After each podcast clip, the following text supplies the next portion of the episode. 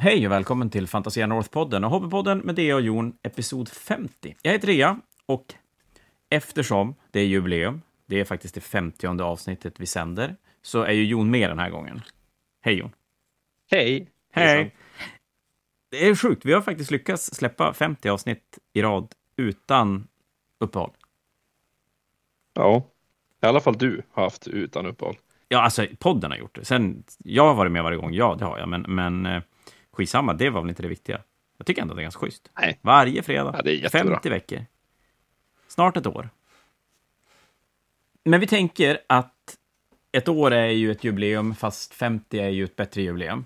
Så det här är det riktiga jubileumet och nästa blir då om 50 avsnitt. Och så kommer vi tjuv, tjuva när det är 52, för då är det typ ett år och sådär. Men, men det var en helt annan femma. Och då ska vi inleda med det man ska göra när man ha jubileum. Vi tänker att vi ska ha en liten tävling. Hobbypodd-tävling. Superenkel. Vi ska låta ut en figur. O oväntat nog. Det vi tänkte slänga in är vampyrmodellen som är en av de här Warmer Warhammer Plus-figurerna man kan köpa. Vi tänkte att alla kanske inte har haft, eller kanske inte prenumererar och har möjlighet att skaffa den, så att vi, vi tar den modellen. Ni får googla om inte ni vet hur den ser ut. Och ni vinner den, eller har chans att vinna den, om ni går in på Instagram, följer Fantasia North, Sweden heter vi där, gillar inlägget som ligger ute nu kring det här avsnittet och kommentera med eran favoritmodell. Fick jag med allting där? Får jag också vara med? Då kanske lotten slår lite snett, jag vet inte. Ja, jag brukar ändå aldrig vinna utlottningen. Nej, men då så. Men jag missar ingenting. Jag är inte så van med såna här äh, Instagram-grejer. Men det är väl det. Gilla Fantasia North Sweden. Gilla inlägget och kommentera med din favorit Warhammer-modell. Glasklart, Låter jättebra. I guess. Faktum är att jag, jag, jag vill vara med bara för att jag vill, eh, jag vill säga vilken min favoritmodell är. Ja, det får man ju göra. Det är klart. Man kan alltid avsäga sig eventuell vinst. Superenkelt. Men det var det om 50-gångsjubileumsgrejen. Vi ska ju också ha en, en hobbypodd, tänkte vi. Och ikväll inser jag att jag har glömt måla ett hölster. Har jag det? Nej, den är fan brun. Ja, oavsett. Ikväll tänkte vi att det har hänt ganska mycket inom vår hobby på de här äh, 50 åren. Nej, inte 50 åren. På de här åren som Warhammer har varit en grej har det hänt ganska mycket. Så vi tänkte att vi skulle gå en liten bit bak i the memory lane och prata lite grann om förändringar som har påverkat oss, kanske specifikt att påverka du och jag i, i vår hobby. Men även fundera framåt och vad som skulle kunna komma som kan förändra, förstöra, förbättra vår hobby de närmaste 10, 20, 30, 40, 50, ja, vi får väl se hur länge vi drar iväg. Så en liten, jag vet inte vad jag ska kalla det. Tillbaka till framtiden-podd. Där satt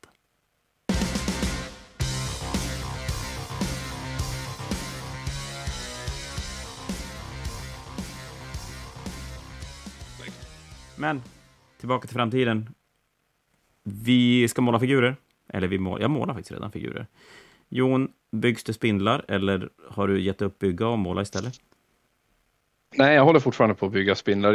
Jag vill ju börja måla dem, men för att måla dem så måste jag ju bygga färdigt åtminstone en spindel. Verkar faktiskt Eh, och just nu sitter jag och gör någonting så läskigt att jag eh, har en liten skalpell och håller på att skala av Alariels huva som hon har runt ansiktet.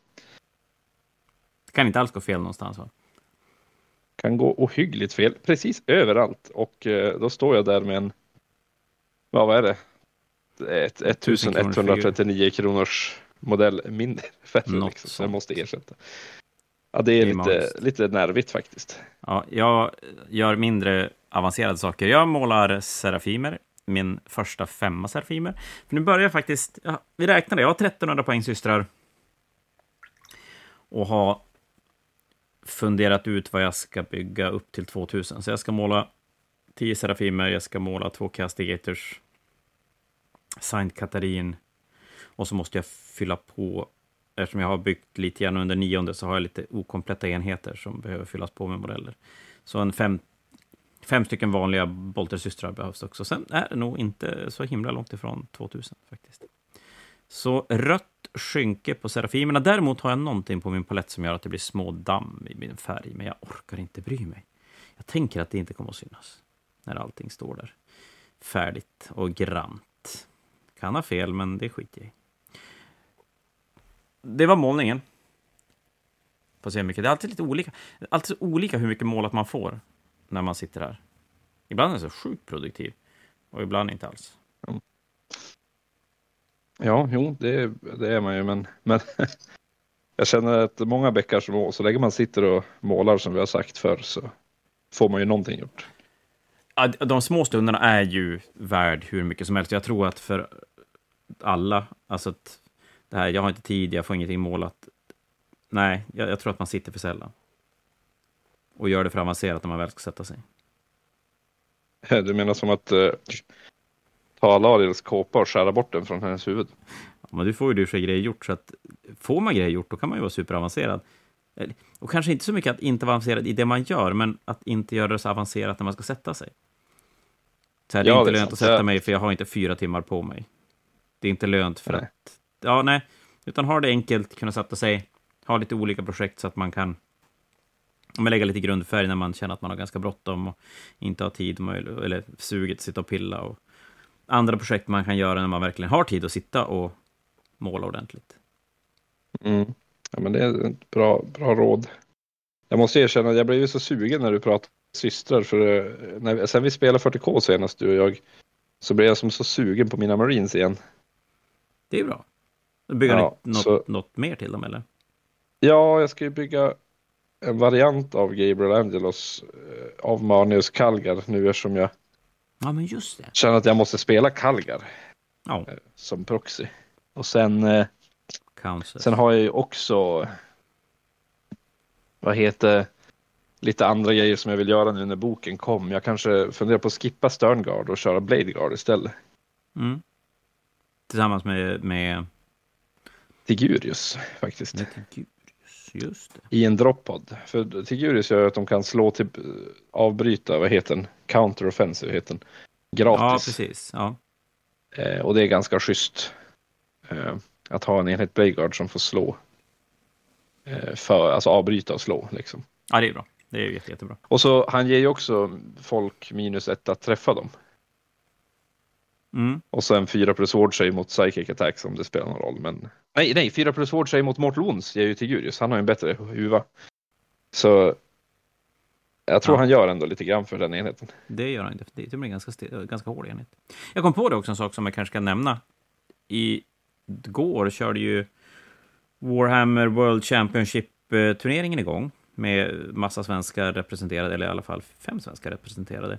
Och den turneringen går ju att följa och den är ju som i full sving. Så gå gärna in och, och kolla resultat på, på Warhammer Community-sidan och, och, kolla lite streams kanske. Det är lite kul, faktiskt. Och vi har lite reveals nu. Spelar vi in den här podden, inte på fredag kväll, men vi har väl någon reveal både igår och i idag ikväll, eller i natt, skulle jag tro, med nya, nya Warhammer-figurer. Och imorgon går Epic-lådan, den heter ju inte Epic, men eh, alla vet vad jag menar när jag säger Epic. Eh, Epic-lådan på pre-order också, kan vara värt att, att nämna. Du är nog inte lika pepp som jag är på det, men Lite, alltså det är ändå, det är ändå kul. Jag, jag är ju mer pepp på kanske de här dioraman man kan göra av den, snarare än själva spelet. Ja. Ehm, däremot så kanske vi kan förtydliga vad Epic-lådan är för de som inte har fyllt eh, ja, men vad heter 35. Den? Tyst, vad heter jag vet den? inte. Heter... Jag vet på riktigt inte. Nej, jag, jag tänker också Epic, men, men, men jag tänkte för ungdomarna. Ja, men eh, alltså små, små, små, små gubbar.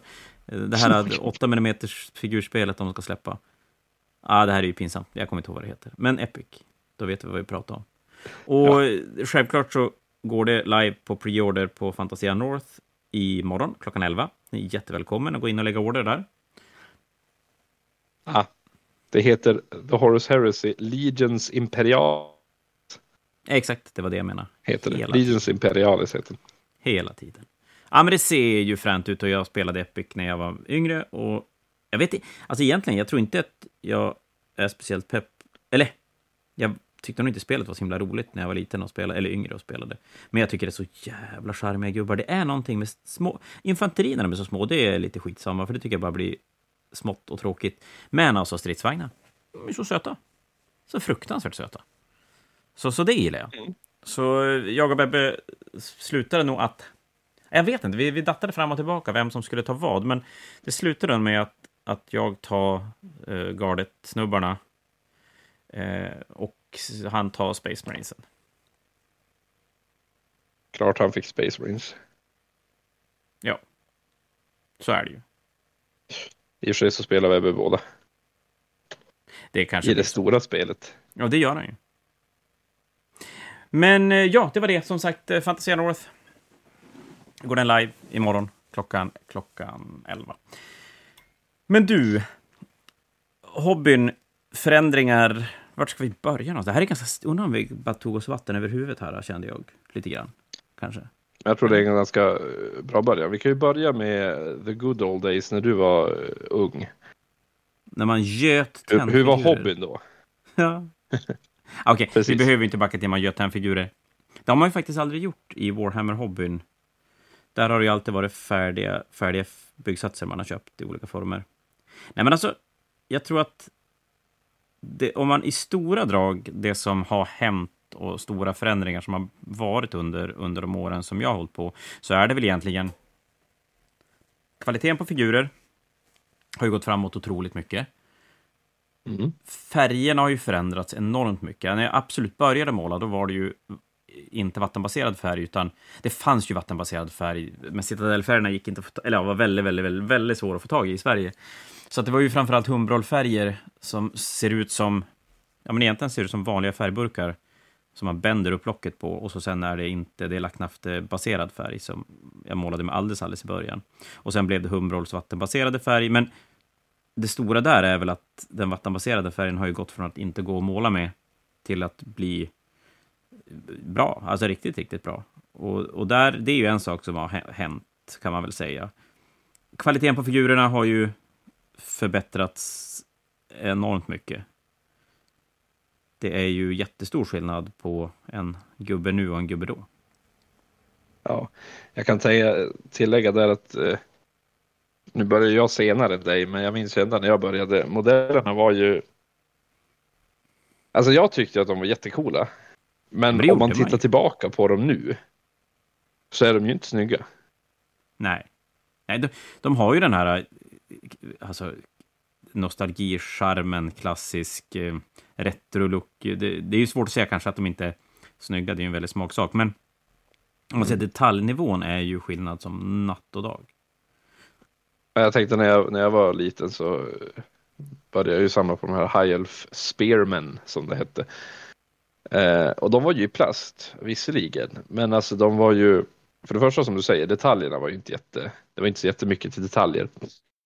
Men de var ju också väldigt så här uh, heroic, de var ju väldigt heroic scale. Deras huvuden var ju ganska stora och deras händer. Deras händer var ju enorma. Ja, helt gigantiska. Mm, och de, de, de höll ju om deras spjut och spjuten var ju som tjocka. Alltså det var ju som att de höll i en lyktstolpe. Men de hade ändå en hand som nådde runt hela lyktstolpen. Så ni kan ju för, tänka er hur stora händer de hade. Ja, det var ju någonting med Hero Scale och, och stora händer och stora, föt, stora fötter, stora händer och stora huvuden. Så, som som eh, hängde med ganska länge och det är ju... Det är ju inte alls på samma sätt nu. Och detaljer och, och jag tänker att när man, man ser... Jag såg, eh, vi öppnade en Hunters Hunted-låda, nya Warcry, Warcry-lådan, där man får med Ogres och eh, Cities Sigmar och upptäckte någonting helt som jag inte har sett förut, tror jag i alla fall. Eh, Måpotten, terrängbiten, där var delar av sprukanten, alltså yttersta sprukanten, var delar av figuren.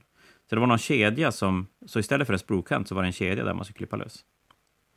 Coolt. Och Ja, det, inte har jag sett inte förr. sett förut. Nej, nej, det måste ju vara en ny typ av gjutmöjlighet de har och, och skulle ju öppna upp för ännu mer plats på, på plastramarna. För, för det är ju en sån enorm skillnad på hur mycket plast de kan trycka in på en plastram nu mot hur det var ja, jag höll på att säga, vi behöver nog inte backa mer än tio år tillbaka för att se en enorm skillnad på mängden bitar man, man rymmer på en sprung.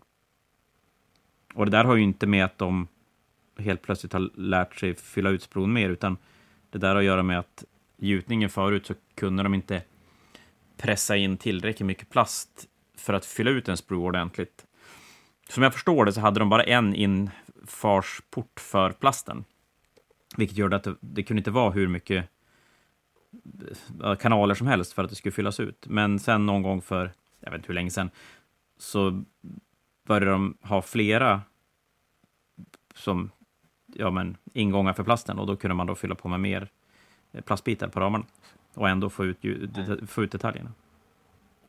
Och det är ju en ganska stor förändring också. Sen, sen vet jag inte, jag, jag tänker mig att det har säkert blivit en del förändringar i penslar och verktyg och grejer, men det känns inte som att det är så himla mycket. Men en kniv är en kniv och det har väl mer eller mindre alltid varit en kniv. Och ganska mycket grejer har ju funnits, men bara inte i våran hobby, utan har funnits i figur, alltså modellhobbyn istället.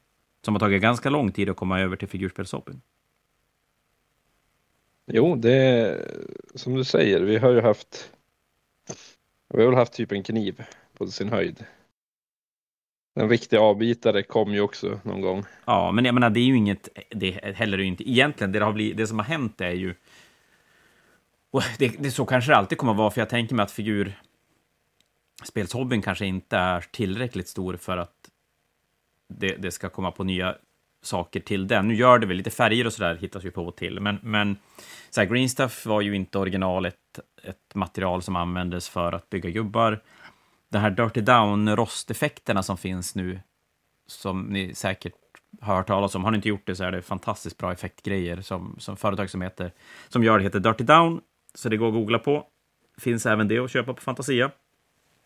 Och, och det är också någon sån här äh, filmreplika-grejer de använder äh, som har tagit sig in i våran hobby. Och det är ju svincoolt, där sådana saker dyker upp. Men, men det är ju inte så mycket som blir nytt, alltså görs nytt till den här. Det eh, blir ju, det, det, det, det är som inte så mycket som görs av hobby. Mycket som vi får eh, till vår hobby har ju kommit från bland annat modelljärnvägsbygge. Eh, mm. Där, där i början, särskilt när det gäller terräng och dylikt. För de har, men även sådana här effekter Eh, nu använder vi ju liksom ofta, nu ser man ju ganska ofta att man har typ flytande rusin och, och sånt där för att göra lite vatten, men det har ju ändå järnvägsbyggare använt jätte, jätte, jättelänge. Ja, men det var ju ett gäng år sedan som de här två hobbysarna som flöt samman, ganska naturligt då eftersom det är ju som samma sak. Och det har ju tagit en vä väldigt lång tid tycker jag, men, men nu är det ju inte egentligen någon skillnad, skulle jag säga. Nu, nu kommer grejer in till båda på båda platserna ja, alla, alla ställen mer eller mindre samtidigt. Men så att färg, färger är väl kanske det som färger och, och med plastgjutning är väl det som är den största förändringen tycker jag sen vi, ja, sen jag började. Mm. Men jag tänker ändå när vi pratar om verktyg, så här, GV har ju ändå, vad ska man säga, faktiskt försökt pusha lite specifika Warhammer-verktyg. Eh, och ett av dem är ju till exempel den här uh, modellhållaren.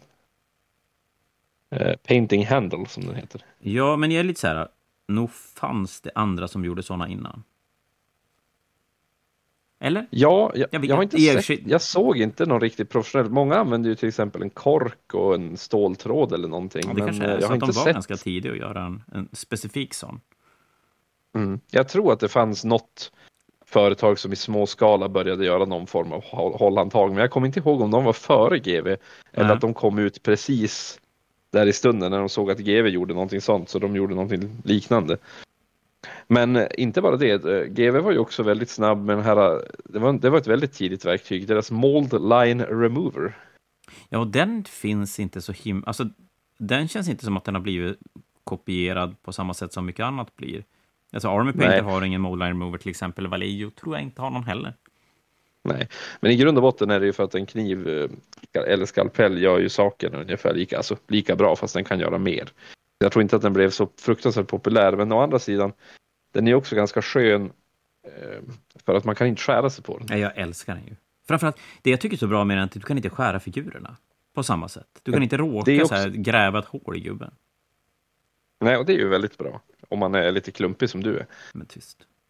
Nej, jag tycker den är, jag tycker Nej, den är men- svinbra. Jo, jag gillar den också. Men jag gissar att den, den kanske inte blev... Folk vill inte lägga över 100 kronor på det när de kunde köpa en kniv som, som gör samma sak. Så jag tänker mig att den kanske inte blev så populär på grund av det. vart, vart eh, prioriteringen, alltså hur det blir som att just den där grejen, den ska man inte ha, den är värdelös. Men ett, Ja. ett assembly handle, det är bra grejer. Ja, det är jättebra grejer. Nu har ju jag visserligen båda så jag kan inte tala för, för alla andra, men eh, jag gillar ju typ allting. Och det mest eh, innovativa, så- jag måste bara säga det mest innovativa verktyget Ja. som jag bara tycker är helt underbart, det är spraysticken. Helvete. Jag tänkte just komma till den. Deras Ha, nice. eh, sprayhandle var ju fantastiskt bra när det kom och sen så upptäckte de att ja, men det var inte lika bra som det kunde bli så gjorde de ett nytt som var ännu bättre. Ja. Eh, och det, det är ju faktiskt någonting som jag tror ändå vi skrattade lite när vi såg först att det skulle komma ett sådär sprayhandle. Men folk skrattar ju fortfarande åt den. Jag blir Ja, hånad men på jobbet förs- för att jag använder den. Men den är ju superbra. Ja, den är hur bra som helst. Den Hur är fantastisk. Jag, jag skulle inte klara mig utan den längre känner jag. Den är, den är magisk. Ja, nej, alltså den är, den är supersmidig att använda. Den... Och jag, upptäcker också när jag sprayar, för nu sprayar jag Serafimer till exempel, och jag har ingen bas på den för jag gör basen separat. Ja, men då kan man säga klämma fast jumpacken under gummibanden. Och så är det bara en liten, liten bit som inte blir sprayad. Spelar ju egentligen ingen roll. Ja, den, är, den är skitbra, hur löjligt det än kan kännas. Men Jag, och det är väl en sån- den. men ganska mycket för vår hobby är ju så här, ja, du kanske inte ska köpa den om du inte har råd att köpa din eh, Space Marine-låda. Men väldigt få som håller på med Warhammer är ju där. Alltså, det, det är ju oftast ett... Man får ju välja, självklart måste man ju välja vad man ska köpa, men, men den är, ja, jag tycker den är, den är inte så dyr heller. Vad ligger den på? 100, och- 170 spänn typ? Någonting, så det är inte alls så farligt. Den är, den är inte eh, den är inte dålig och den är väldigt, väldigt billig om man jämför med många andra verktyg. Så och särskilt den här nya nu som faktiskt snurrar oberoende av handtaget. Den är ju helt magisk. Så Ja. det, det har ju ändå kommit lite sådana här specifika hobbyverktyg från, från GV. Ja, ja, men det har det ju. Det, där händer det lite grann och det, det kanske är så att de försöker, de släpper ju som varje jul brukar de ju släppa något nytt verktyg och ibland är det ju riktiga missar. De har ju släppt den här uh, Paint Pot Holdern. Den är ganska kass. Den tror jag inte de har kvar längre. Nej, det har de inte. För att det var ju som en grej att man skulle spilla ut färg och så skulle man ta en bild på det och lägga ut på internet istället för att städa upp efter sig. Och, och det anammar vilken de och, och släppte och den var ju rätt kass. Så att Mm. och, och det, det är väl där, GV är väl det företag som kanske vågar och har möjlighet att göra sånt för att de är ganska vana att få skit ändå. Så att om de gör en, en dålig grej så får de skit, gör de bra grejer kommer de få lite skit ändå. Så det spelar inte så stor roll. Och det Och de gör de bra, de- det kopieras ju av andra då. Precis. Och så har de ju råd med att, att inte lyckas också. Ja, jo men De absolut. har, de har ju råd att, att bara misslyckas med en produkt som mindre företag definitivt inte har. Nej, då i så fall då ska det ju kickstartas och grejer. Och då, och då, nej, som sagt, det, då får de nog bara se om det var någonting som funkade från GVs sida och så sen göra en variant liknande, bättre eller vad det nu kan vara för någonting. Men ja, men det verkar. Jag, jag använder ju inte Paint Handle. Jag orkar ju aldrig sätta fast gubbar på den. Fast jag har fyra stycken. Nej. Ja, men den, den blir lite besvärligare när du ska batchmåla, men jag, jag älskar ju den. Eh, eftersom jag målar oftast modeller typ 2 och 2. Jag har tre stycken painting handles. Ett, ett extra brett för stora modeller och så två stycken mindre. Var och en är en sån där assembly-grej, men den är ganska schysst för man kan ju ta bort själva assemble-delen. Ja, just det. Så jag har den- painting Ja, så jag, precis, så jag har den bara utifall att jag behöver den, men då har jag annars två painting handles. Och, och det är ganska schysst, för jag brukar växla mellan två modeller när jag målar. Så jag, jag tycker den är jättebra eh, att hålla i. Jag kladdar inte på modellen. Det är lätt att vrida och så framförallt så märker jag den är bättre för ryggen för att modellen kommer lite högre upp. Så du rätar ut dig själv lite mer. Ja, jo, men du har ju typ benen dinglar ju fem Mhm. decimeter ovanför backen för dig. Så Det är jag förstår att du kan sänka stolen. Det är jätteroligt när långa människor inte kan sitta ordentligt. Svinbra. Precis. Men vad säger vi? Ja, färger, färger har hänt. Nu är vi och hoppar vi lite. Ja, men färger har ju hänt ganska mycket. Eh, Och där har det hänt ganska mycket på sista tiden. Med, och då tänker jag framförallt kontrast... Alla varianter av kontrastfärger som dykt upp. Har ju som slagit fast ganska ordentligt. Mm. Ja, det var ju en sån där spännande grej. Det var ju, eh, du jämför ju det som när, när Shades kom Mm. eh, för första gången. Eh, För om vi, om, vi backar, om vi backar bandet tillbaka där du sa när du använde humbrolfärger, när faktiskt GV släppte sina citadelfärger. Ja, när de blev tillgängliga på riktigt. När, när de kom... Mm. Det var väl de...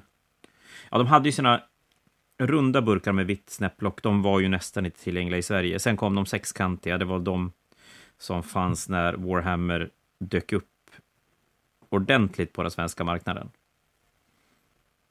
Och jag menar, då var det ju ändå så att färgerna, det, det gick ju inte att måla gult alls. Rött, nej. Eh, alltså, det, var, det, det hände ingenting. Det var ju som att måla med vatten. Mm. Ja, det var riktigt, riktigt kassa färger. Jag förstår inte hur man klarade sig på den tiden. Nej. Och Särskilt inte eftersom GV typ målade allt gult och rött. Ja, alla vapen var ju röda. Så var det ju. Det var ju som en, en grej.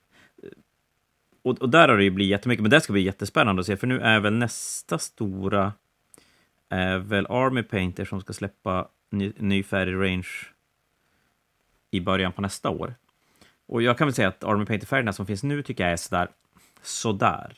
Eh, De har en del riktigt bra. Jag tycker om deras svarta vita till exempel, tycker jag är jätte, jättebra. Men... Alltså deras vita är underbar. I övrigt så är jag inte helt såld på deras färger. Men av det man har sett av folk som har fått testa det här så verkar det ju spänn väldigt spännande faktiskt. Ja, Och, och se... och färger händer ju verkligen med saker med. Ja, och lite så här, vanliga vattenbaserade färgerna, akrylfärgerna, är det ju lite baby steps. Det, det blir som lite bättre varje gång. Lite bättre täckning, flyter ut lite bättre. Men det var ju ganska länge, jag vet inte. Och det är väl lite grann som många av, både gamla fantasy-editioner och 40K-editioner, att det, det är små förändringar hela tiden, som när man tittar från början och direkt till slutet är det jättestora förändringar. Men tar man det steg för steg så är det inte så stora förändringar däremellan. Om du fattar vad jag menar. Ja, det, det, det blir ju som inte det. Men som du säger, färger, färger har ändå som tagit ett ganska stort kliv. För jag minns ju när, när GVs, när jag började så hade ju GV sina sexkantiga eh, burkar med svart skruvkork. Hur börja? Åh, stackars. Börja då. Ja, det är ju helt hopplöst. Ja, men jag fastnade ju i alla fall. Så. Ja, imponerad. Eh, men men eh, problemet med svarta skruvkorken var ju dels att det var, färgen torkade ju i gängorna hela tiden och så, och så torkade hela burken och det var bara ett helvete. Det gick inte att få upp. Och så gick det inte att få upp Oj, dem och så, ja. Eh, eller så gick det att få upp dem, men då var det alldeles för lätt att få upp dem så att det hade sipprat in en massa luft så färgen var helt stel. Ja. ja, den var faktiskt helt fruktansvärt dålig. Ja, den var jättedålig. Sen minns jag efter det så, så började de med de här svarta snäpplocksburkarna. De var fortfarande sexkantiga tror jag. det är ju samma eh, burkar, burken- men andra lock bara. Samma burk med andra lock, precis. Eh, så då, och då, de var ju bättre, för då började de ju det här med det här, eh, vad ska man säga, den här lilla eh, pipen som de har inuti locket. Ja, läppen som är... Så, precis, läppen där så att färgen, som färgen fastnar på, så att när du skakar den så har du färg i locket som du kan ta av. Mm.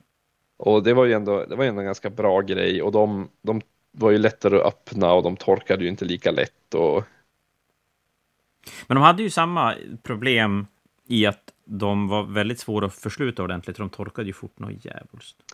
det gjorde de. Och hade lite Eh, Men- större öppning till... Alltså själva burken var ju större. Alltså öppningen var större. Vilket gjorde att Mm. det blev så mer exponering till luften också.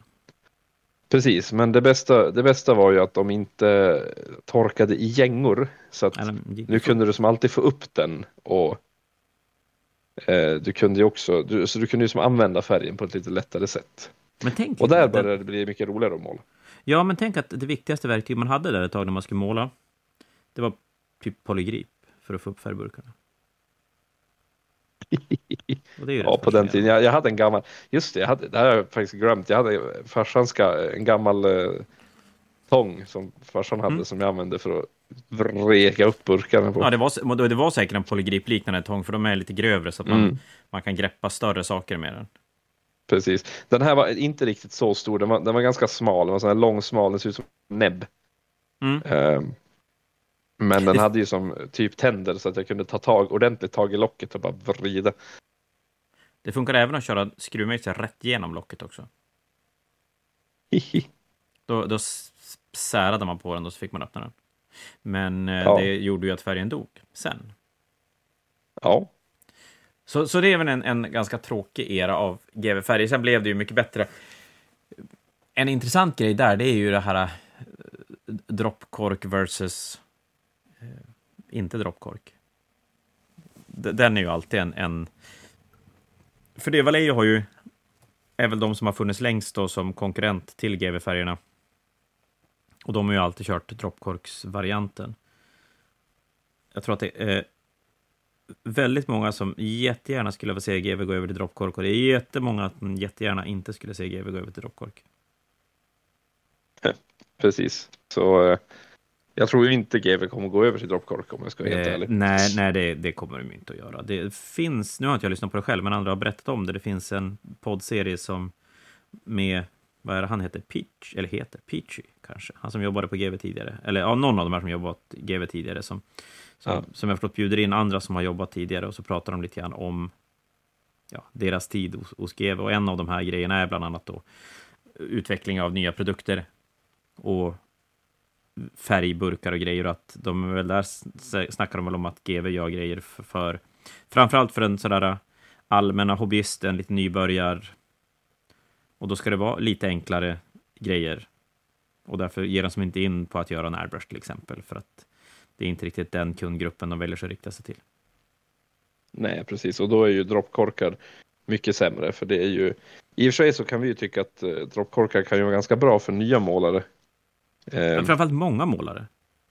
framförallt många målare. Men eh, eh, däremot så är ju en, en burk som GW har ju mycket lättare att använda när du sitter själv och, och med Ja. dina egna färger. Jag har ju använt det tidigare när jag yngre ska måla för att det är lättare att få upp burken och använda den. Men lite i den kan Mm. man väl ändå känna att är man så pass ung att man inte kan öppna en citadellburk, då kanske man är lite för ung för att hålla på med hobbyn. Kanske lite för Ja, jag känner det. Att då, då, för det och, det är väl någonting som man märker ganska vanligt nu, och du och jag är väl bitvis skyldiga för det också, att man kickar igång sina kids alldeles för tidigt. Säger, Men det är som svårt att låta bli bara för att, eh, inte för att du nödvändigtvis vill att kidsen ska hålla på, men kidsen ser ju dig som, de är, de Ja. är typ fem år gamla, se dig sitta och måla, det är klart de vill också. Men jag har ganska många som rätt aktivt vill få in sina barn och Mm. kanske vill aktivt få in dem när de är åtta istället för att aktivt få in dem när de är tio. Men det var en helt Jag tror annan. det är bra, det är nog bra att vänta lite om man Jag faktiskt vill det. försöka få in barn. Jag har börjat, har börjat känna det att det är nog värt att hålla på det en liten stund. Lagom länge, inte Mm. för länge för att då, då hinner ju annat hugga istället och så, sådär. Men, men lagom länge. Men det får man väl känna efter kanske. Men ja, som sagt, och så sen kontrastfärger är ju det måste ju en av de större sådär, förändringar till hobbyn som vi har varit med om. Ja, den, eh, den gjorde ju en viss skillnad. Men, men om vi drar parallellen till, till när shaden kom. eh, De körde ju det på lite samma sätt. Va? Du, du hade en sån här magisk färg som gjorde dig till en bra målare. Ja. ja, enda skillnad egentligen är väl att nu blir inte din, din bra målad gubbe blir inte 14 nyanser av brun, utan den kan faktiskt bli de färger du vill att den ska vara. Precis, för förr så var det ju lite begränsat shade som fanns. Nu finns det ju många fler istället. Ja, nu, och, och så sen då att man inte behöver lägga grundfärg. Men... eh, Nej, men den, och den har ju uppenbarligen hittat sin plats och skapat en, en ny typ av...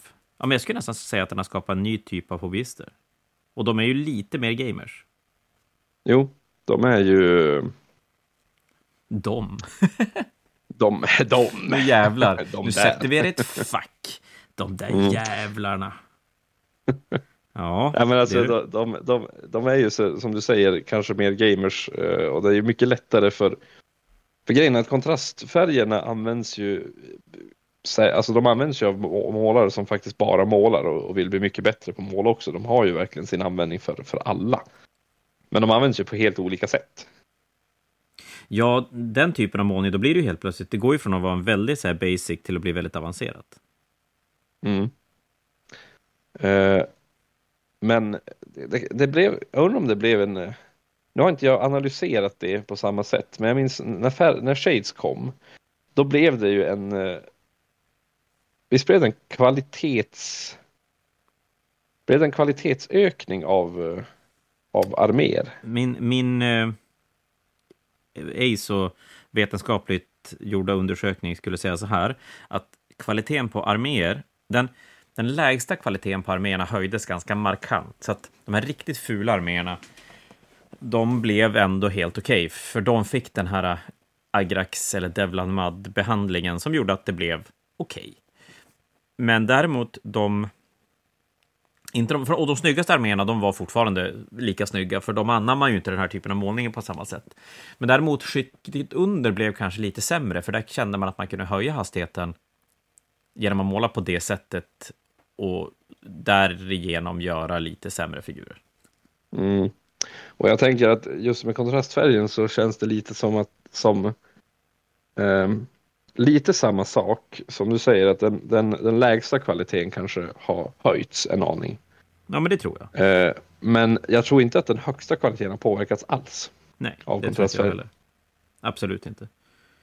Den, den, jävlar, den kanske har gjort att vissa målar lite fortare, för att man kan kapa några steg med kontrasten. Och snäppet under där, där tror jag till och med att det kan vara så att kontrasten inte används alls. Jag känner väl att jag kanske ligger i den klutten målare som, som inte är tillräckligt intresserad slash duktig att testa nya grejer på samma sätt. Och ändå är jag ganska okej på att måla. Så min målning har ju inte anammat kontrasten överhuvudtaget. Jag har använt den ja, egentligen bara till skelettet på min OCR-armé.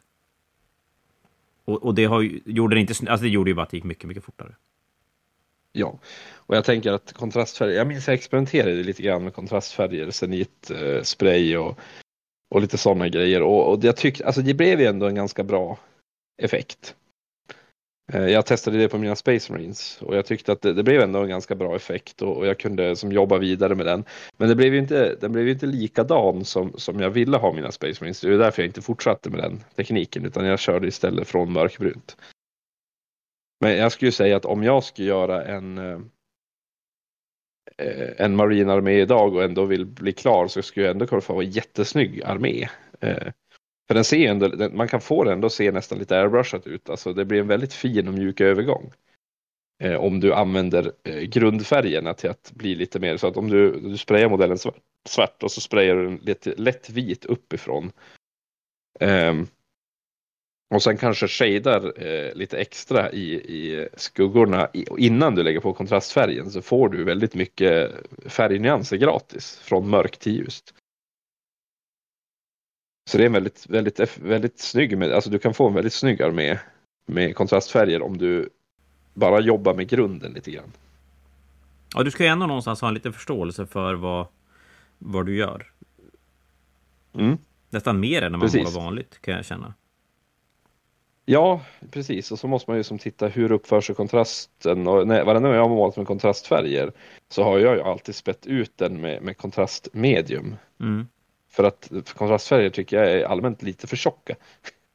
Det blir lite för eh, det blir lite för aggressiv färg, nästan så att man inte ser ljusskillnaderna underifrån. Så, Nej, men precis. Det är väl lite grann det jag uppfattar också. Det, det lilla jag har testat med, med lite eh, Senetal-grejer. Men det är ändå en, en stor förändring. Och det där är jag ju lite lurig på att det där är en produkt som, som faktiskt är gjord specifikt för figurmålningen. I, jag, jag tror inte den kommer från någon annanstans. nej, precis. Jag tror inte heller det. Inte som jag kan komma på i alla fall. Och det är väl så att när hobbyn har vuxit som den har gjort så kommer det ju att finnas mer pengar i att utveckla saker för, för oss bara. Precis. Men, men jag tror ändå, GW som sagt, de, de har ändå satsat på att göra lite Warhammer-grejer. Um, Ja. Jag menar, de gjorde ju en streamingtjänst ganska exklusivt för Warhammer-nördar. Ja, inte ens ganska exklusivt. Den är fan superspes för oss som gillar Warhammer. Den är väldigt, alltså många avsnitt är ju så bra om man är i, alltså i universumet liksom. Men eh, om man bara Ja. tänker på serien. Eh, men om man inte är det, då, då är det verkligen bara, vad är det här för skit? Ja, men, ja, men visst är det så att, att en del är, är bra för att man gillar Warhammer. Sen finns det ju en del som är bra, bra. Det, det, så är det ju också. Jo, men precis, men de, de, vissa är ju bra, bra, men, men det är bara för att man förstår typ nyansen av att man förstår ja, men vem Sinch är och hur, hur det fungerar och sådana Ja. grejer. Ja, nej, det är klart man, man ska ha koll. Det, det är definitivt. Mm. Men från nu och framåt då? Vad, vad kan hända då? Jag tror ju som sagt GV kommer fortsätta släppa lite spes-verktyg, men det, det är en väldigt sån, nischad marknad, så det är väl lite som du säger, att de kanske släpper ett per jul eller någonting sånt. Ehm, Ja, och det, har de gjort länge. Till, ja, Ja. Inte, inte kanske superkonsekvent, men, men till och från. Mm.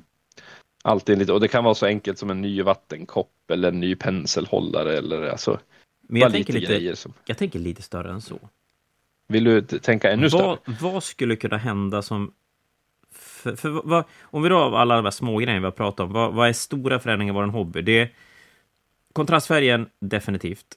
Eh, Bra vattenbaserad färg skulle jag säga också en, en, en ganska game changer. Och sen är det ju någon... Ja, det också. Och sen är det ju någonstans i, i plastgjuteriet som det blev en, en rejäl förändring. Jag har svårt att säga exakt när det var.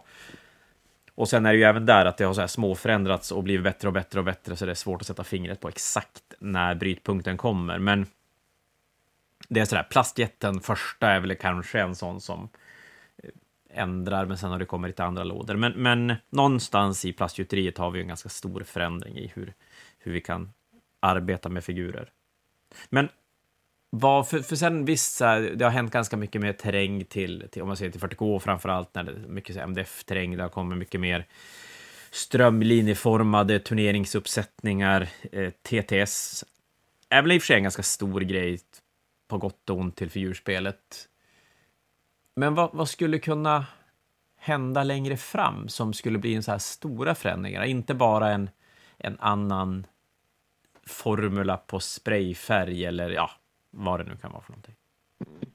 Även sprayfärger har ju också förbättrats. Men som du säger, det är väldigt subtila små förändringar och sen kommer det ibland någonting som bara vänder upp och ner på världen som till exempel, eh, ja vad sa du, kontrastfärger. Ja, men det är ju alltså, Eh, ja, jag, jag tror att vi kan faktiskt i framtiden se en till grej. Det kommer säkert komma en till färg. Alltså det är knappt, alltså jag tänker, nu närmar vi oss jul och då kommer vi till den här rutiga färgen som finns i tomtens verkstad. Jag tänker att det kommer någonting sånt någon gång. Alltså rätt vad det är så kommer en, modell, alltså en, en, eh, en färg som gör att modellen målar sig själv i princip. man, Alltså som en ännu köper, bättre kontrast. man köper specifika färger till specifika modeller som, som är designade att, att eh, på något sätt lägga sig på rätt ställe genom att bara tä- täcka figuren. Ja, jag vet inte. Alltså, Ja, det, man vet, det, det, jag tänkte det är väl lite väl science fiction, men, men däremot jag kan definitivt tro att GV kommer att fortsätta försöka utveckla kontrastfärgerna på det viset att till slut kanske det blir en sån grej att du utan problem kan få en väldigt snygg, eh, snygg modell med snygg övergång och snygga highlights bara genom att lägga ett lager färg.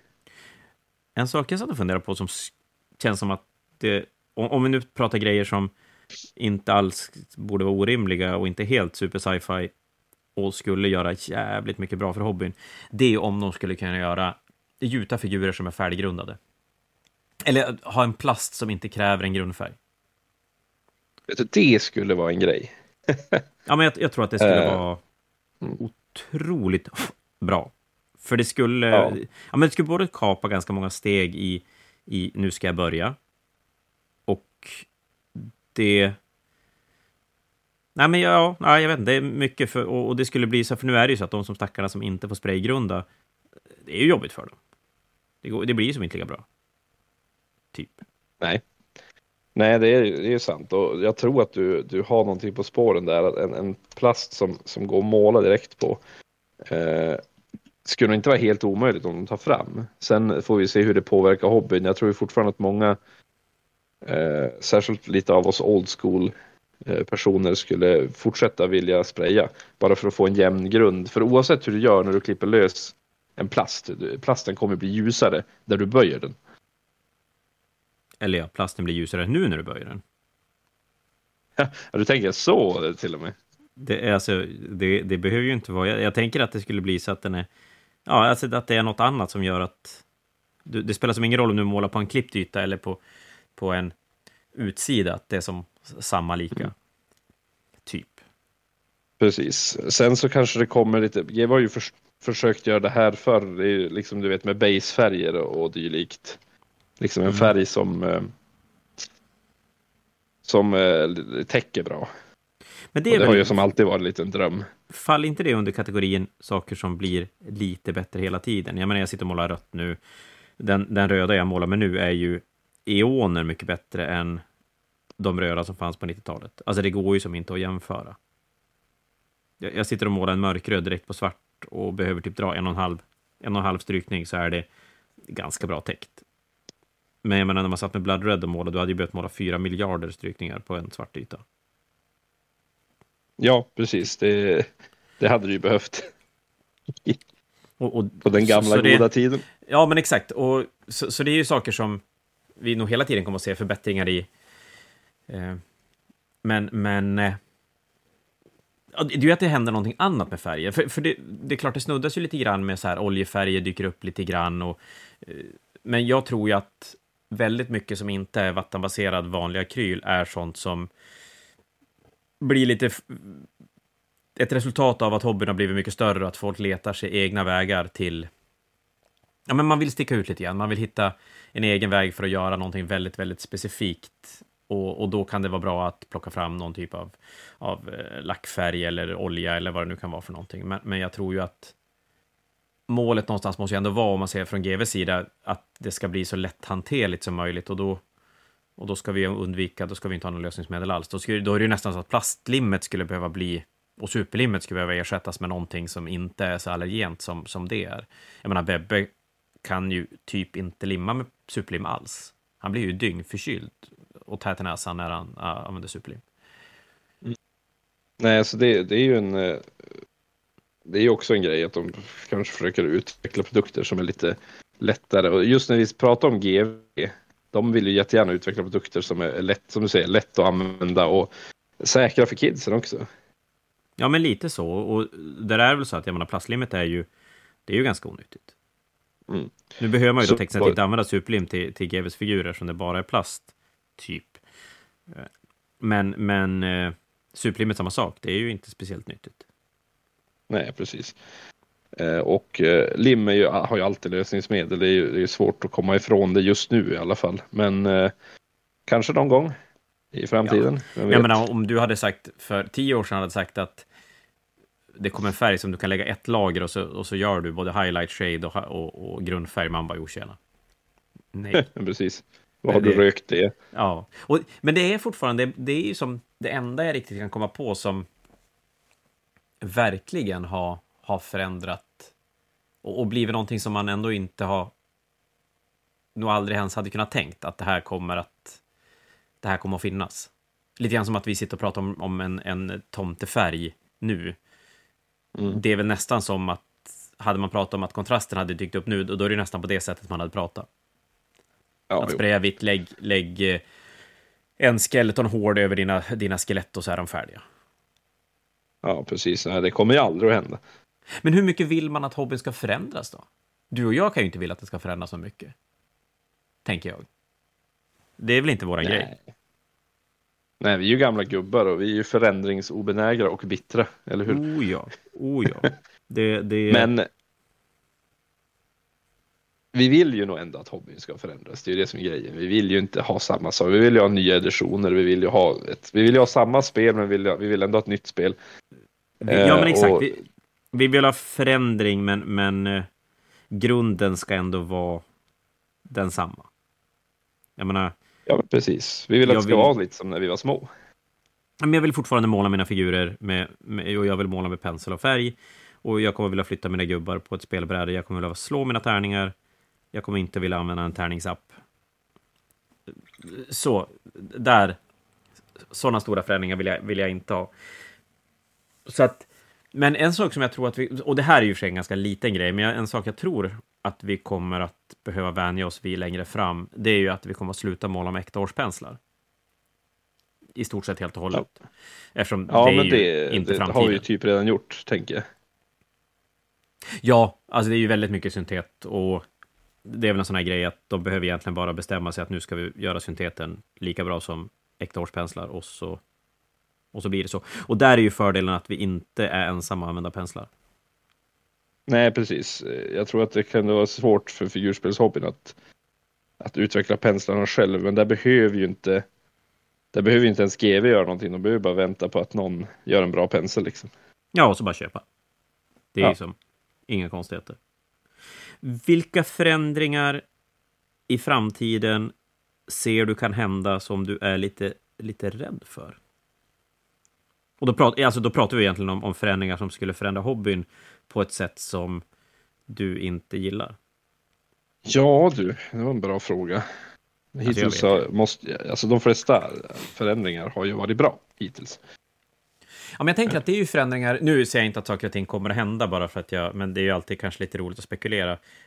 Mycket av de förändringar som, som har varit i vår hobby, jag skulle nästan säga alla förändringar som har varit i vår hobby än så länge, är ju sånt som gör det vi gör roligare, enklare och bättre.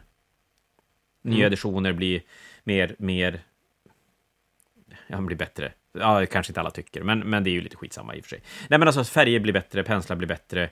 Jag kan välja mellan 15 färgmärken istället för ett. Jag kan köpa 40 olika tärningar som, i vilka färger jag vill. Jag kan custom gjuta tärningar som jag kan spela med och, och jag har musmattor som jag spelar så att det låter ingenting när jag slår tärningar och det ser snyggt ut. Och terrängen kan jag välja mellan miljoner olika varianter. Så att allt det där har ju egentligen bara gett mig mer val och gjort min hobby roligare. Även om jag bara använder, alltså, även om jag skiter i allting som kommer och bara kör min grej så, så har det... Det har inte förändrats på det sättet. Nej. Men sen finns det ju vissa saker som, som eh, jag, jag, tänk, jag känner lite så här, så- saker som skulle kunna hända som ändå skulle kunna förändra, eller ja, förändra hobbyn på ett sätt som jag inte kanske skulle tycka var lika positivt. Och nu är jag ju... Nu, ah, nu kommer alla tro att jag är bara så bitter på allting nytt som händer, men det är jag ju inte. Jag, är- och jag säger inte att det kommer att bli så här, men, men någonstans i mig så är det ändå så att jag känner att det skulle kunna bli så, och då, då tycker jag nog inte att det skulle bli så bra. Och en, en grej är ju det här, GV eh, ganska uppenbart nu satsar ju på att deras IP ska generera så mycket pengar som möjligt i alla former. Så om det är att trycka nya plastfigurer eller om det är att släppa dataspel eller mjukisdjur eller pussel eller vad det nu är. Det spelar som ingen roll. Vill någon betala pengar för att göra grejer på deras IP så är det väl lite så att de får göra det.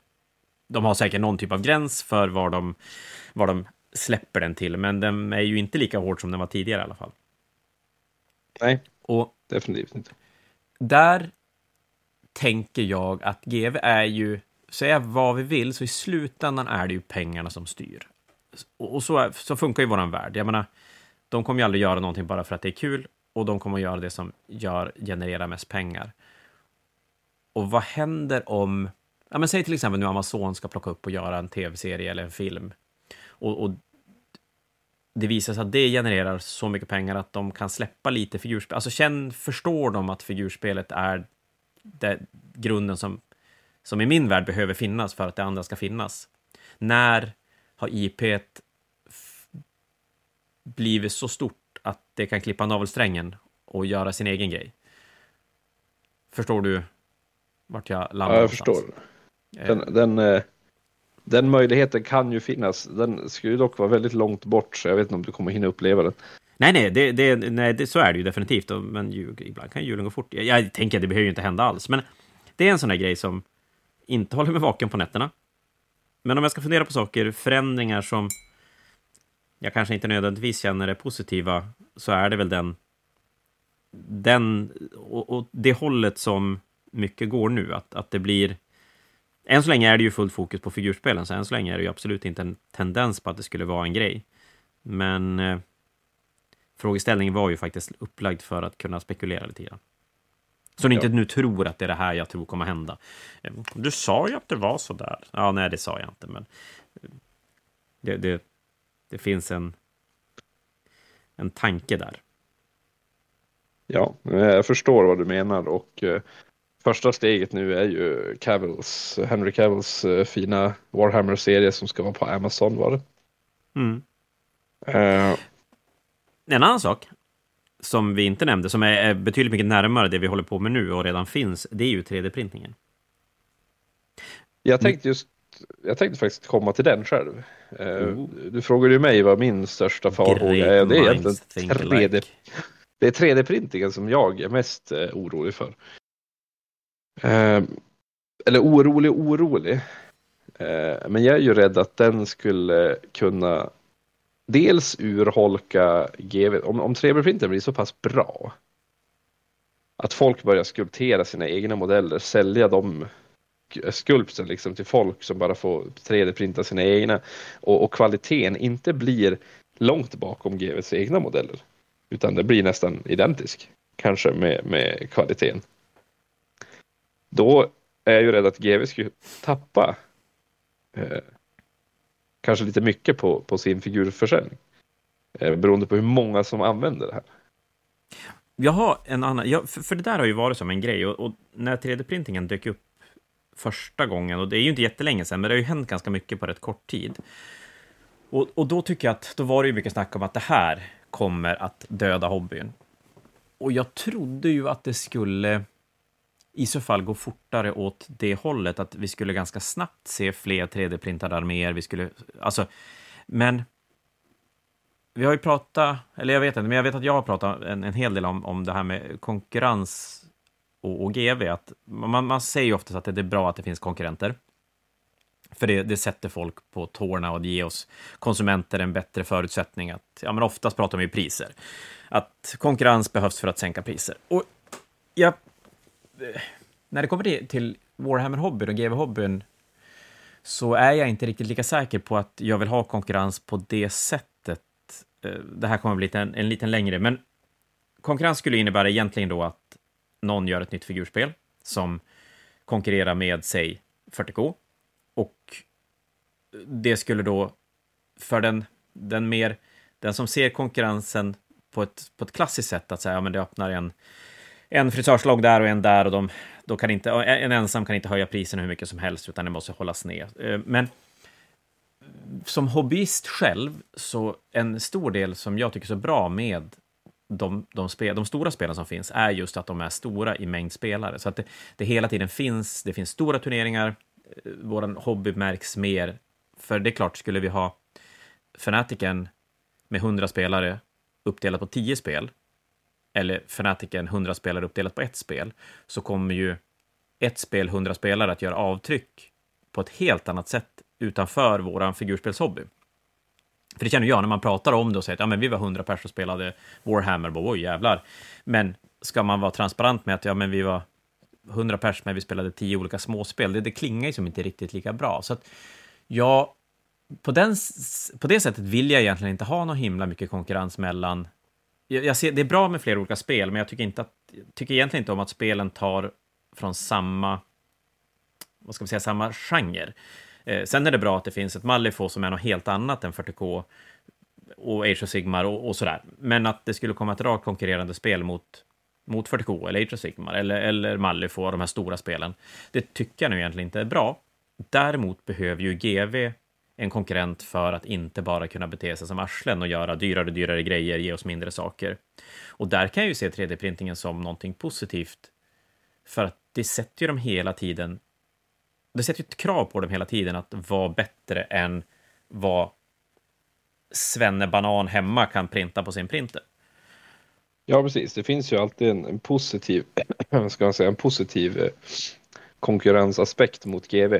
Till exempel som du säger att de inte bara kan vara arslen. Jag menar GV var ju ändå arslen ja, ja, för ett tag sedan. Eh, och, men men de, de förlorade ju väldigt mycket på det. De, folk blev arga och gick och spelade War Machine istället. Och det hade kommit upp flera figurspel som ändå folk tyckte om och, och kunde konkurrera mot GV som inte, mm. inte för att det var samma spel utan mer bara att det var ett annat figurspel eh, med ett företag som inte betedde sig som GV.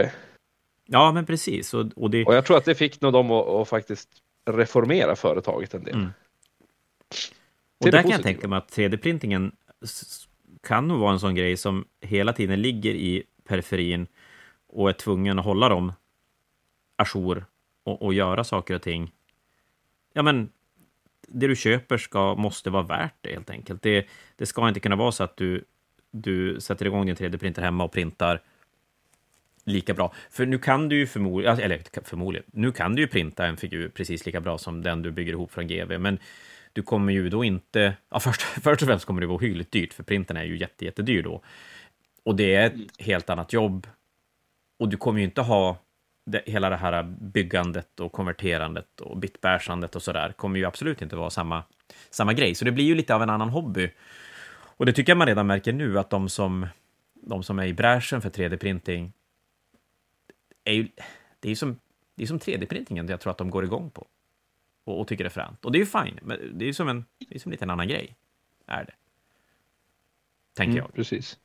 Men ja, 3D, alltså ja, 3D-printingen kommer ju alltid att vara, ligga där som en... Och jag menar, vi har ju bara sett första lilla... Ja, vad den kan göra. Vi, det, det blir spännande att se vart den tar vägen. För det är klart, den utvecklas ju inte till figurhobbyn. Den utvecklas ju till, till helt andra typer av industrier med helt andra typer av förutsättningar och pengar eh, som sen figurspelen bara kan plocka godbitar ifrån. Ja, men vi ska, vi ska liksom 3D-printa delar till organ i människokroppen. Jag menar, de printarna kommer att bli mycket bättre. Ja, ja, gud ja. Eh, och, och då är ju frågan då, kommer det bli ett, kommer vi landa ett, eh, på en plats där alla har en 3D-printer hemma och den är typ lika enkel som att sätta igång mikron? Eller kommer 3D-printingen att gå till att det finns 3D-printers och de är sjukt avancerade, men det är inte hemma hos, utan det är företag som har dem, för de är så pass dyra och relativt avancerade att använda. Det blir spännande. Däremot kan jag ju se, vi, ja. jag, jag, tänker att utvecklingen när det kommer till så här bits och grejer, den kan ju bara explodera. Alltså, jag vill ha ett specifikt huvud till den där, jag vill ha ett, ett sånt här vapen, jag vill ha ja, vad som helst egentligen. Eh, och, och, och, där lär det ju finnas oändliga möjligheter. Ja, absolut. Jag har ju redan sett eh jag, jag gör ju mina, som du så fint uttrycker det, låtsas Space Marines, men det är ju fler än jag som gillar de här låtsas Space Marines. Det, det är fler än du som har fel. Ja, bevisligen. Eh, och det, det, har ju kommit redan företag som 3D-printar huvuden som ser ut som karaktärerna i Dawn of War. Ja. Det... Eh, I, i, alltså i GV-storlek så att du kan bygga dem, dem egentligen av, av GV-kit. Du har bara just de där specifika bitarna. Och det där är ju alltid, jag menar, det där kommer ju just den delen kommer ju alltid vara positiv för, för alla, och även för GV, för att det innebär ju att du måste köpa en låda Space Marines för att kunna använda de där huvudena. Så det är ju ett sätt att... Det är ju ett väldigt sätt att få hela hobbyvärlden att växa på alla ställen, egentligen. Det kommer att vara fler som vill bygga Space Marines för att man kan bygga sina låtsas Space Marines. Det kan vara fler företag som kan göra en business på att folk spelar figurspel och så vidare och så vidare. Och i slutändan Och bygger så... sina låtsas Space Marines. Ja, precis. Och i slutändan är det GW som drar den längsta stickan, hur vi än vänder och vrider på det. Eh, ja. Någonting annat då? Jo, jag har en sak. Ja, när vi liksom en lite... sak. Nej, jag, jag, tänkte, jag tänkte faktiskt bara säga en sak till om 3D-printingen. Och det är ju lite vars den är nu. Eh, jag tycker att den skadar hobbyn lite i att folk bygger eh, printar till exempel ja, men printa en hel armé eh, av exakta GV-modellskopior egentligen. Men de är skitfula. Mm, ja. typ, de ser lite grann ut som Lego, Lego-byggen av GV-modeller. Ja, ja, men så är det ju nu. Att, att nu är ju hemma hos printingen är ju inte tillräckligt bra. Och Nej, precis. det görs ju, nu ska jag generalisera, eh, ni får väl ta åt er om, om om ni känner att ni tar åt er. Jag har ingen aning. Men det görs ju av folk som kanske inte har riktigt intresset av att bygga och måla figurer, kan jag känna. Alltså, man, man är inte beredd att betala pengen för en, en figur, utan man vill cut some corners. Och då kanske man är beredd att och, och tumma på kvaliteten. Alternativt att det man tycker är riktigt, riktigt roligt, det är att 3D-printa. Mm. Och då, Men- då blir det ju som de som älskar att konvertera men hatar att måla, att de har skitcool gubb, byggda gubbar, men de är för jävla fult målade. Ja, precis. Men, men jag tycker att tumma på kvaliteten på det sättet eh, är ju någonting jag stör mig på snarare för, för att det, det förstör det är att det förstör min upplevelse. Ska jag spela Ja. mot en, en som, ha, som har en sån armé så, så har ju min spelupplevelse förstörts för att jag möter eh, någon som har byggt sin, alltså, sin armé av, eh, vad heter det, sådana här eh, inte en resin printer, utan sån här plastfilament eh, Ja, printer liksom. Ja, det ser ju för jävligt ut. Alltså jag har inget emot en, en fult målad armé, Nej. för den ser ändå bättre ut än, än, än en sån printad armé. Jag tror, att det här, jag tror att det landar lite grann också i hur pass... Eh, alltså, Warhammer världen är inpräntad och hur viktig den är för oss. För att, jag vet, vi pratade om, det kommer komma ett avsnitt lite längre fram i Fanatic Historiepodden, som, vi redan har, gjort, där vi pratar lite Best in Show och arméer som inte är Warhammeriga har väldigt svårt att vinna. Och, och någonstans vill man ju ha den här... Man vill ju att det ska vara Warhammer. Det, det är ju, för mig är ju det superduper viktigt. Och som du säger, då är det ju originalmodeller fult målade hellre än skitfula modeller. Okej målade. Skulle jag säga. Så att det, det ja. Nej men, ja visst, 3D-printingen öppnar ju upp. Sen, sen är det ju så här, det, det har ju kanske gjort att fler spelar spelet som inte hade spelat annars. Som, som eh, tycker att det är för mycket pengar att lägga och det... Och då är ju... Då landar vi, men, då landar vi tillbaka till... Vi, det här har vi pratat om för ganska länge sedan, va? Vil, vilka hobbyister... Alltså, vilka hobbyister vill man ha? Nej, men så kan man ju inte säga. Men, men eh, oj, det där lät ju jättefel. Men eh, alltså vilka typer av hobbyister vi har blir det ju lite grann vi landar i då. För Mm. där kommer vi osökt in på den kanske sista grejen som jag har som en sån här fara.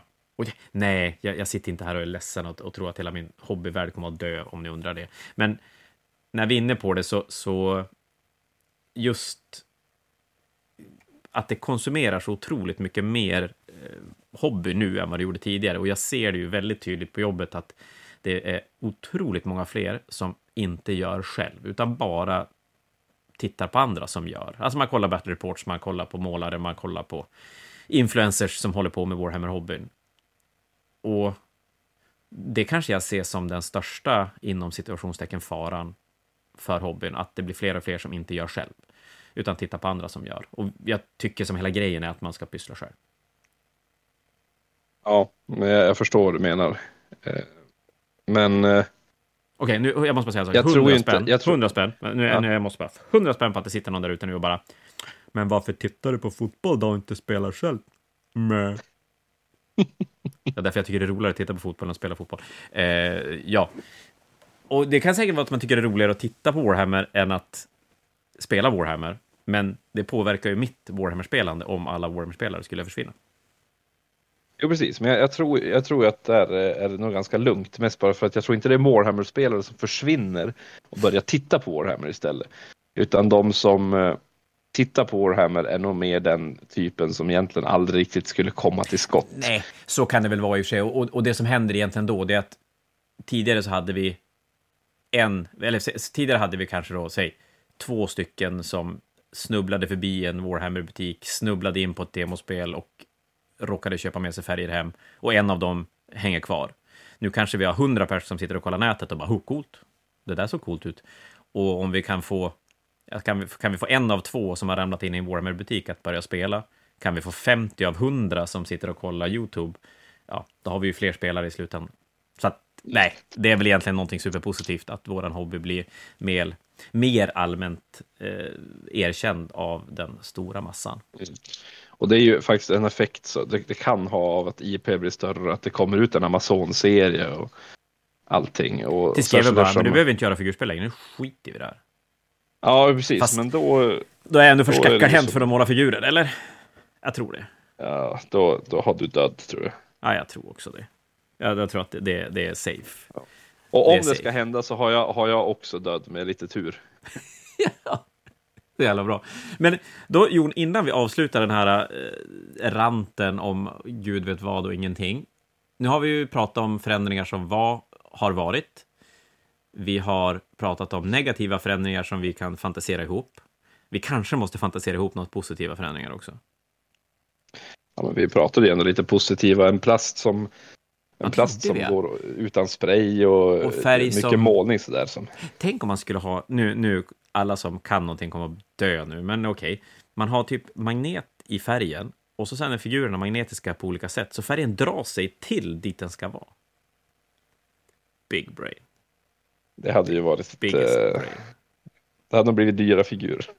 Då kanske... Nej men du, färdigmålade figurer? Nej gud, den nämnde vi aldrig. Aj!